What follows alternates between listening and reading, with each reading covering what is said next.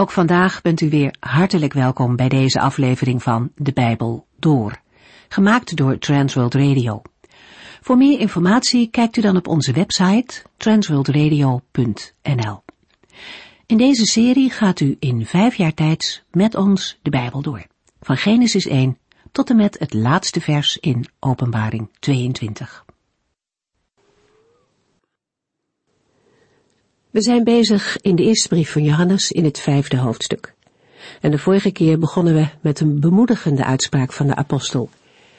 Elk kind van God kan de wereld overwinnen door op Hem te vertrouwen. In de praktijk van ons leven durven we dat misschien niet elke dag Hem na te zeggen. We ervaren het misschien ook niet altijd. Om ons heen lijkt het wel alsof de wereld eerder terrein wint dan dat er ruimte voor God en zijn geboden is. En toch is dit de uitgangspositie voor een kind van God. In Christus is er overwinning. Wat is dan die wereld die christenen overwinnen? Waar gaat het om als we het hier over hebben? Met de wereld wordt het totaal van de antigoddelijke machten bedoeld, die zich in de enkeling en in de gemeenschap manifesteren. Johannes schrijft er al eerder over in zijn brief. Houd niet van de zondige wereld en wat die te bieden heeft. Alleen door het geloof in Jezus Christus kunnen we die wereld overwinnen.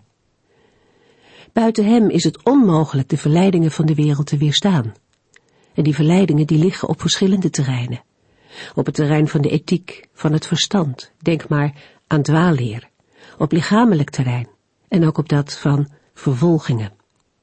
Maar in alle situaties kunnen de gelovigen overwinnaar zijn, namelijk door hun geloof in en verbondenheid met de Heer Jezus, de Zoon van God.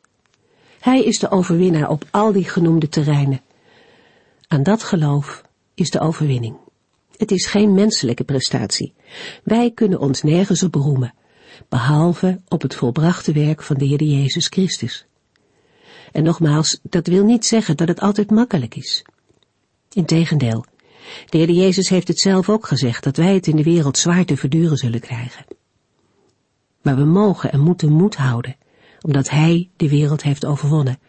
En daarin mogen we ons in geloof aan vasthouden.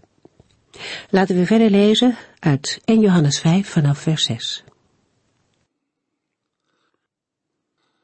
De vorige uitzending sloten we af met de woorden van 1 Johannes 5 vers 6, waar de apostel Johannes schrijft, wij weten dat Jezus de Zoon van God is omdat dat bevestigd is door zijn doop in water en door het bloed van zijn dood. En ook de Heilige Geest, die altijd de waarheid spreekt, zegt dat hij de Zoon van God is. In de vorige uitzending stonden we al stil bij de woorden van vers 6. De tegenstanders van Johannes leerden wel de doop van Christus, maar niet zijn dood. Zij beweerden namelijk dat de hemelse Christus de aardse Jezus voor zijn dood aan het kruis had verlaten. Op die manier stierf alleen de mens Jezus van Nazareth, waaraan verder geen betekenis hoeft worden gegeven. Maar tegen deze opvatting verzet de apostel Johannes zich meerdere malen. Want wat de dwaalleraars beweren, logent de centrale gedachte in het Nieuwe Testament, namelijk dat God in Christus de wereld met zichzelf verzoende. Het getuigenis van de Heilige Geest, die de waarheid is, slaat de brug van het verleden naar het heden.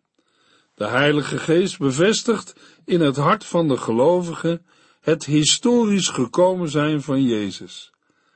De Heer Jezus is vanaf zijn geboorte tot en met zijn dood en opstanding voor altijd de Heer Jezus Christus, de Zoon van God, ja, God zelf. 1 Johannes 5, vers 7.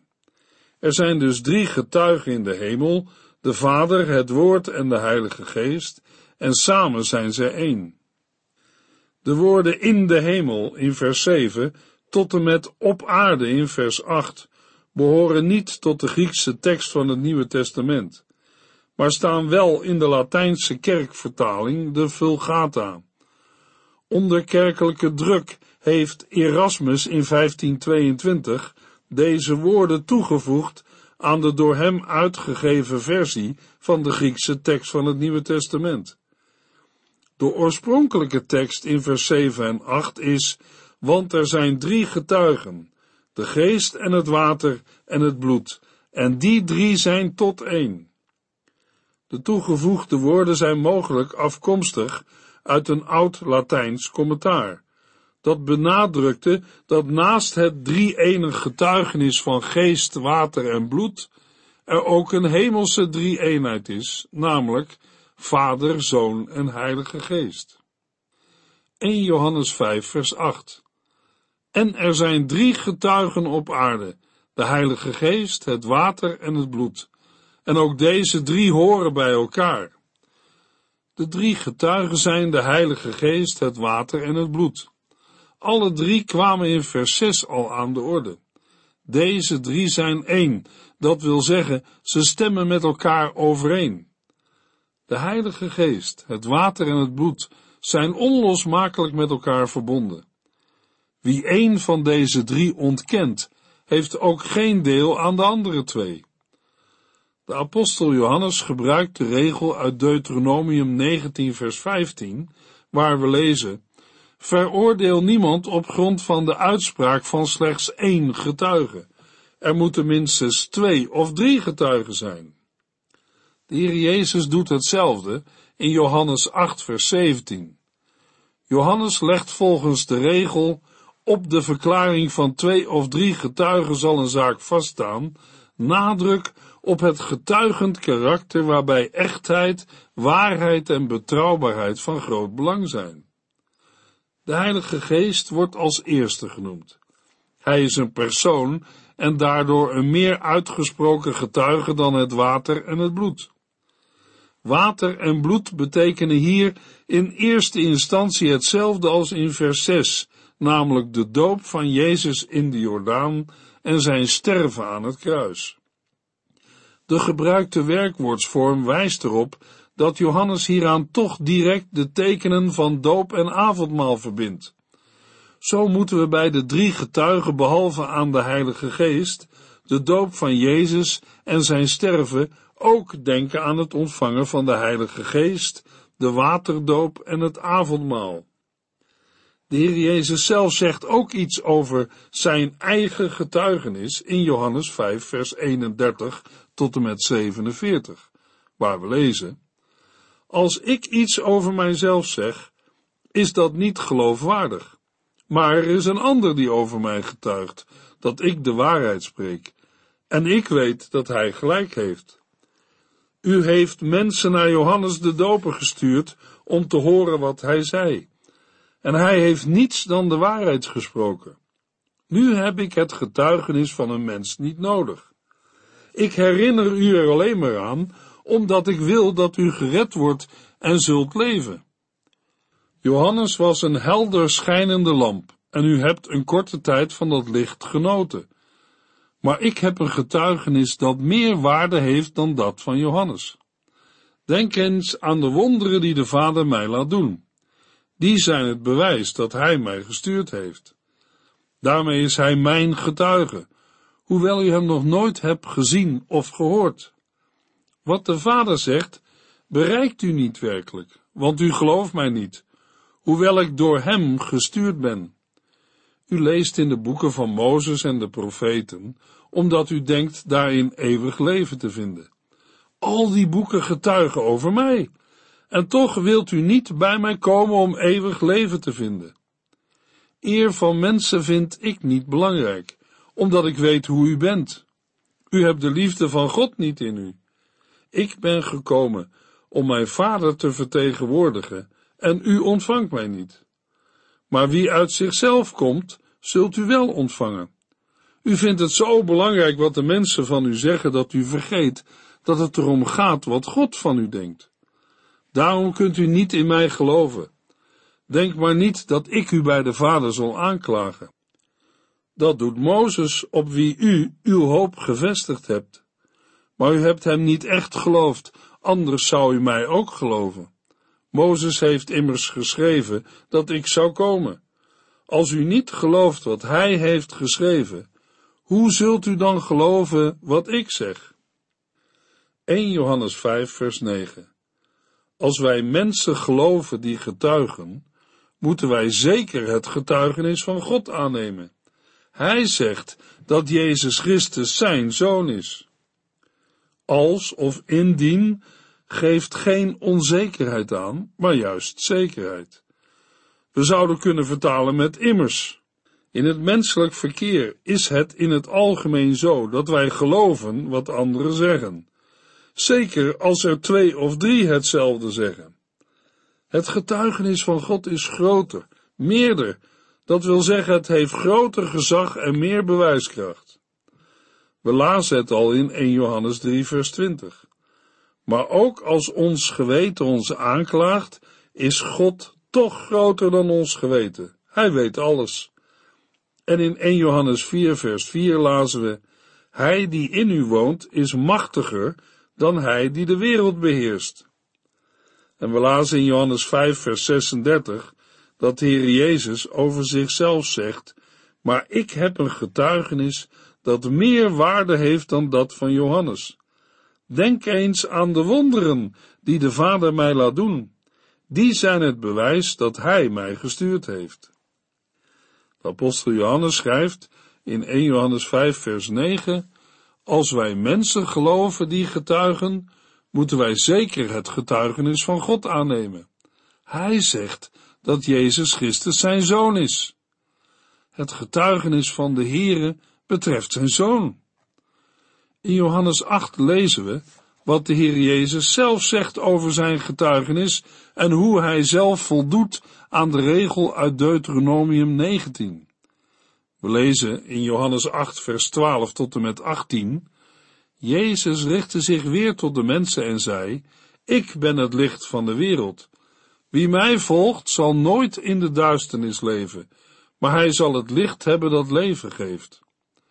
De fariseeën merkten op, daar zegt u nogal wat, er is geen enkel bewijs dat u de waarheid spreekt. Jezus antwoordde, toch is het waar, ook al ben ik het zelf die het zegt, want ik weet waar ik vandaan kom en waar ik heen ga maar u weet daar niets van. U oordeelt met menselijke maatstaven. Ik oordeel niemand. En zelfs als ik het wel zou doen, zou mijn oordeel betrouwbaar zijn.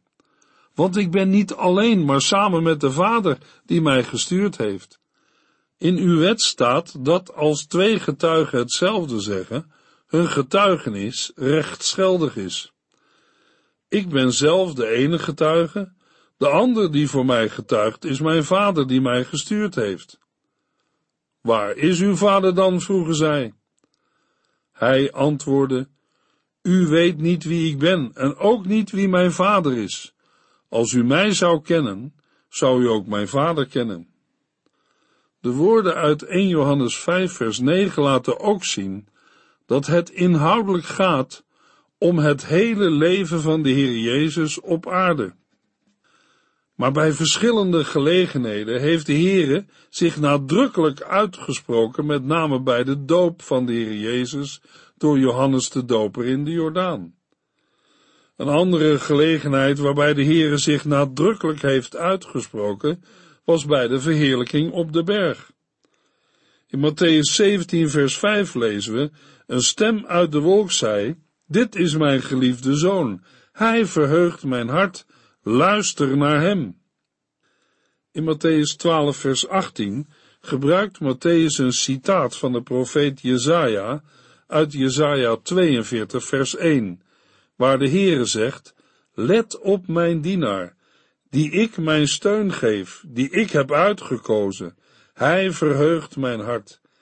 Ik heb hem mijn geest gegeven, en hij zal recht spreken over de volken. Een ander voorbeeld lezen we in Johannes 12, waar de Heer Jezus kort voor zijn dood zijn leerlingen en de mensen toespreekt. In Johannes 12, vers 26 tot en met 33 zegt de heiland, Als iemand mij dient, moet hij mij volgen. En waar ik ben, moet ook mijn dienaar zijn. Als iemand mij dient, zal de Vader hem eren.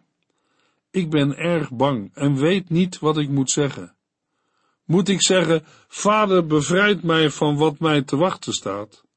Nee, want juist daarvoor ben ik gekomen.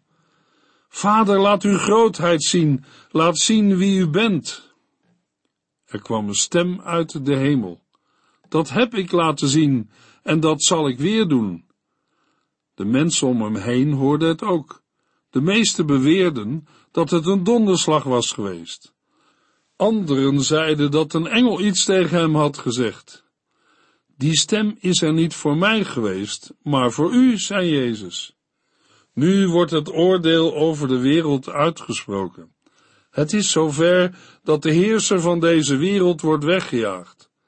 Wanneer ik van de aarde omhoog geheven word, zal ik allen naar mij toetrekken. Daarmee bedoelde hij dat hij aan het kruis zou sterven.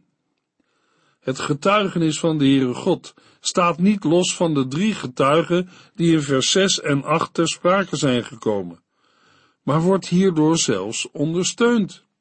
Gods stem klinkt daarin door. In de Griekse tekst lezen we aan het slot van vers 9 de woorden, want dit is het getuigenis van God, dat hij van zijn zoon getuigd heeft. De woorden getuigd heeft geven aan dat het getuigenis dat de Heere God in het verleden heeft gegeven, een blijvend gevolg in het heden heeft. 1 Johannes 5 vers 10 Ieder die dit gelooft, heeft het getuigenis van God aanvaard. Als iemand dit niet gelooft, zegt hij daarmee dat God een leugenaar is, omdat hij niet gelooft wat God over zijn zoon heeft gezegd. Degene die zijn vertrouwen stelt op de zoon van God, dat wil zeggen in hem gelooft, heeft het getuigenis in zich, in zijn hart. Dat kan erop wijzen dat het getuigenis van de Heilige Geest een getuigenis is in de geest van de mens. We lezen in Romeinen 8, vers 16, want in ons diepste wezen overtuigt Gods geest ons ervan dat wij kinderen van God zijn. In het vers ervoor zegt de apostel Paulus, wij zijn door hem aangenomen als kinderen, en doordat zijn geest in ons woont, roepen wij, Abba, Vader. Luisteraar, het is onvoorstelbaar en niet te vatten, maar wel waar, dat zondige mensen, die door Christus verzoend zijn met God, tegen de Almachtige en Heilige God, Vader mogen zeggen, en hem zelfs heel intiem Abba, dat is Papa, mogen noemen. Wat een wonder! Johannes schrijft, ieder die dit gelooft, heeft het getuigenis van God aanvaard. Geloof in God en Jezus Christus zijn onlosmakelijk met elkaar verbonden. Het verwerpen van wat de Heer in zijn woord heeft gezegd over de Heer Jezus, betekent niet alleen een afwijzen van Jezus als de Zoon van God, maar daarmee ook van God de Vader zelf. Alle die weigeren geloof te hechten aan Gods verklaring over zijn Zoon, hebben de Heere tot een leugenaar gemaakt. Het tegenovergestelde lezen we in Johannes 3. In Johannes 3, vers 30 tot en met 36 zegt Johannes de Doper tegen zijn leerlingen over de Heer Jezus. Hij moet groter worden en ik steeds kleiner. Ik ben van de aarde en spreek de taal van de aarde. Hij komt uit de hemel en is belangrijker dan enige ander. Hij staat boven alle andere mensen. Hij vertelt wat hij gezien en gehoord heeft, maar niemand gelooft hem. Wie hem wel gelooft, bevestigt daarmee dat God een en al waarheid is. Hij is door God gestuurd en geeft de woorden van God door. God geeft hem zijn geest zonder beperking. De Vader houdt van zijn Zoon en heeft hem alle macht gegeven. Wie zich aan de Zoon toevertrouwt, heeft eeuwig leven. Wie de Zoon ongehoorzaam is, zal dat leven niet ontvangen. Integendeel, de straf van God blijft op hem rusten. Johannes schrijft, als iemand dit niet gelooft, zegt hij daarmee dat God een leugenaar is, omdat hij niet gelooft wat God over zijn zoon heeft gezegd. De woorden God heeft gezegd geven aan dat niet geloven wat God heeft gezegd verstrekkende gevolgen heeft. Daarmee blijft de mens de Heere afwijzen en is ongelovig. In de tijd van de lezers van de brief zijn degenen die de Here afwijzen de dwaalleraars. Door hun ontkenning van het wezen van de Zoon van God maken zij God tot een leugenaar. De Heere heeft namelijk in het eenstemmig getuigenis van de Heilige Geest door het water en het bloed getuigd dat de Heer Jezus Christus de Zoon van God is. 1 Johannes 5 vers 11 En wat heeft God dan wel gezegd? Dat Hij ons eeuwig leven heeft gegeven en dat dit leven in Zijn Zoon is. De inhoud van het getuigenis is onverwacht. Het gaat in vers 11 namelijk niet om wat God heeft gezegd, maar om wat Hij heeft gedaan. De Heere gaf eeuwig leven. De aanvaarding van de Heer Jezus Christus als Zoon van God is niet alleen een verstandelijk gebeuren. Gelovigen hebben door Christus nu al deel aan het eeuwige leven. We lazen in 1 Johannes 1 vers 2 Het leven is niet langer verborgen, want wij hebben het zelf gezien. En omdat wij het zelf gezien hebben, maken wij het ook aan u bekend. Het eeuwige leven was bij de Vader en is voor ons zichtbaar geworden. En in 1 Johannes 2 vers 25 lezen we, Christus, de Zoon, heeft ons het eeuwige leven beloofd. Buiten Christus is het onmogelijk om aan dat leven deel te hebben. Eeuwig geeft aan dat het leven hoort bij het nieuwe tijdperk, de nieuwe wereldorde die met de komst van de Messias op aarde zou aanbreken. In de Heer Jezus is dit tijdperk al doorgebroken in ons bestaan op aarde. Zij zal ten volle het leven beheersen, als Christus opnieuw onder ons zal zijn na zijn wederkomst. We lezen in 1 Johannes 3 vers 2.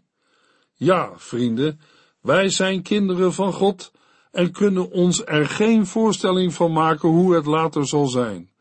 Maar wij weten één ding. Als Christus komt, zullen wij zijn zoals Hij, omdat wij Hem dan zien zoals Hij werkelijk is. 1 Johannes 5 vers 12 Wie dus de Zoon van God heeft, heeft het leven. Maar wie de Zoon van God niet heeft, heeft het leven niet. Radicaal en zonder ruimte voor vergissingen maakt Johannes duidelijk dat buiten de Heer Jezus Christus, de mens geworden Zoon van God, een mens buiten het werkelijke leven staat. In Johannes 3 vers 36 lezen we, wie zich aan de Zoon toevertrouwt, heeft eeuwig leven. Wie de Zoon ongehoorzaam is, zal dat leven niet ontvangen. Integendeel, de straf van God blijft op hem rusten. Johannes 10 vers 10b zegt de Heer Jezus, ik ben gekomen om mijn schapen leven in overvloed te geven. Alleen God geeft dat leven en hij geeft dat alleen door zijn zoon. Dat wil zeggen, het leven is verbonden aan en met zijn zoon. In Johannes 11, vers 25 tot en met 27 zegt de Heer Jezus tegen Martha, de zus van de dan overleden Lazarus, ik geef de doden het leven terug. Ik ben zelf het leven. Wie in mij gelooft, zal leven, zelfs als hij gestorven is. Wie leeft en in mij gelooft, zal nooit sterven. Geloof je dat? Ja, heren, antwoordde zij, ik geloof dat u de Christus bent, de Zoon van God, die in de wereld komen zou. En in Johannes 14, vers 6 zegt de Heer Jezus, ik ben de weg, de waarheid en het leven. Ik ben de enige weg tot de Vader. In 1 Johannes 2, vers 23 schrijft Johannes, want wie niet in de Zoon gelooft, kent ook de Vader niet. Maar wie in de Zoon gelooft, kent ook de Vader. Een positieve stelling, wie in de Zoon gelooft, vindt zijn negatieve kant in wie niet in de Zoon gelooft. Kortom, die mist het leven. Paulus schrijft in Romeinen 6, vers 23, de zonde betaalt een hard loon, de dood. Maar de genade van God geeft wat niemand verdient, eeuwig leven met Christus Jezus onze Heer. Johannes beschrijft in 1 Johannes 5 vers 12 hoe de zaken er geestelijk voor staan. Namelijk, wie dus de Zoon van God heeft, heeft het leven. Maar wie de Zoon van God niet heeft, heeft het leven niet. Bij het laatste verkeren de dwaalleraars in een afschuwelijke toestand. Zij hebben het leven niet. Luisteraar, het komt er in het christelijk geloof op aan dat Jezus Christus, de Zoon van God, inhoud en middelpunt van het geloof is. In Christus leven wij in het licht. Zonder Hem is er alleen duisternis en dood. Is Hij uw en jouw redder? Heeft u of heb jij je vertrouwen gesteld in de Heer Jezus? Christus is voor ons mensen de enige hoop. Zonder Hem is een mens verloren. In Johannes 3, vers 16 tot en met 18 zegt de Heer Jezus, want God heeft zoveel liefde voor de wereld, dat Hij zijn enige zoon heeft gegeven, zodat ieder die in Hem gelooft niet verloren gaat, maar eeuwig leven heeft. God heeft zijn zoon niet naar de wereld gestuurd om de wereld te veroordelen, maar om haar door hem van de ondergang te redden. Wie zijn vertrouwen op Jezus stelt, wordt niet veroordeeld. Maar wie niet gelooft, is al veroordeeld omdat hij geen vertrouwen heeft gehad in de naam van Gods enige Zoon. In de volgende uitzending lezen we 1 Johannes 5, vers 13 tot en met 21. U heeft geluisterd naar De Bijbel Door, in het Nederlands vertaald en bewerkt door Transworld Radio. Een programma waarin we in vijf jaar tijd de hele Bijbel doorgaan. Als u wilt reageren op deze uitzending of u heeft vragen, dan kunt u contact met ons opnemen. Tijdens kantooruren kunt u bellen op 0342 478432. 0342 478432. Ook kunt u een e-mail sturen naar de Bijbel door at transworldradio.nl en natuurlijk kunt u ook via de post ons bereiken. TWR, postbus 371, postcode 3770, AJ in Barneveld. Dit programma werd gepresenteerd door Cor Weda en Ike André. Techniek was in handen van Odin van Voerkom. En wij allemaal bedanken u voor het luisteren. Graag tot de volgende keer.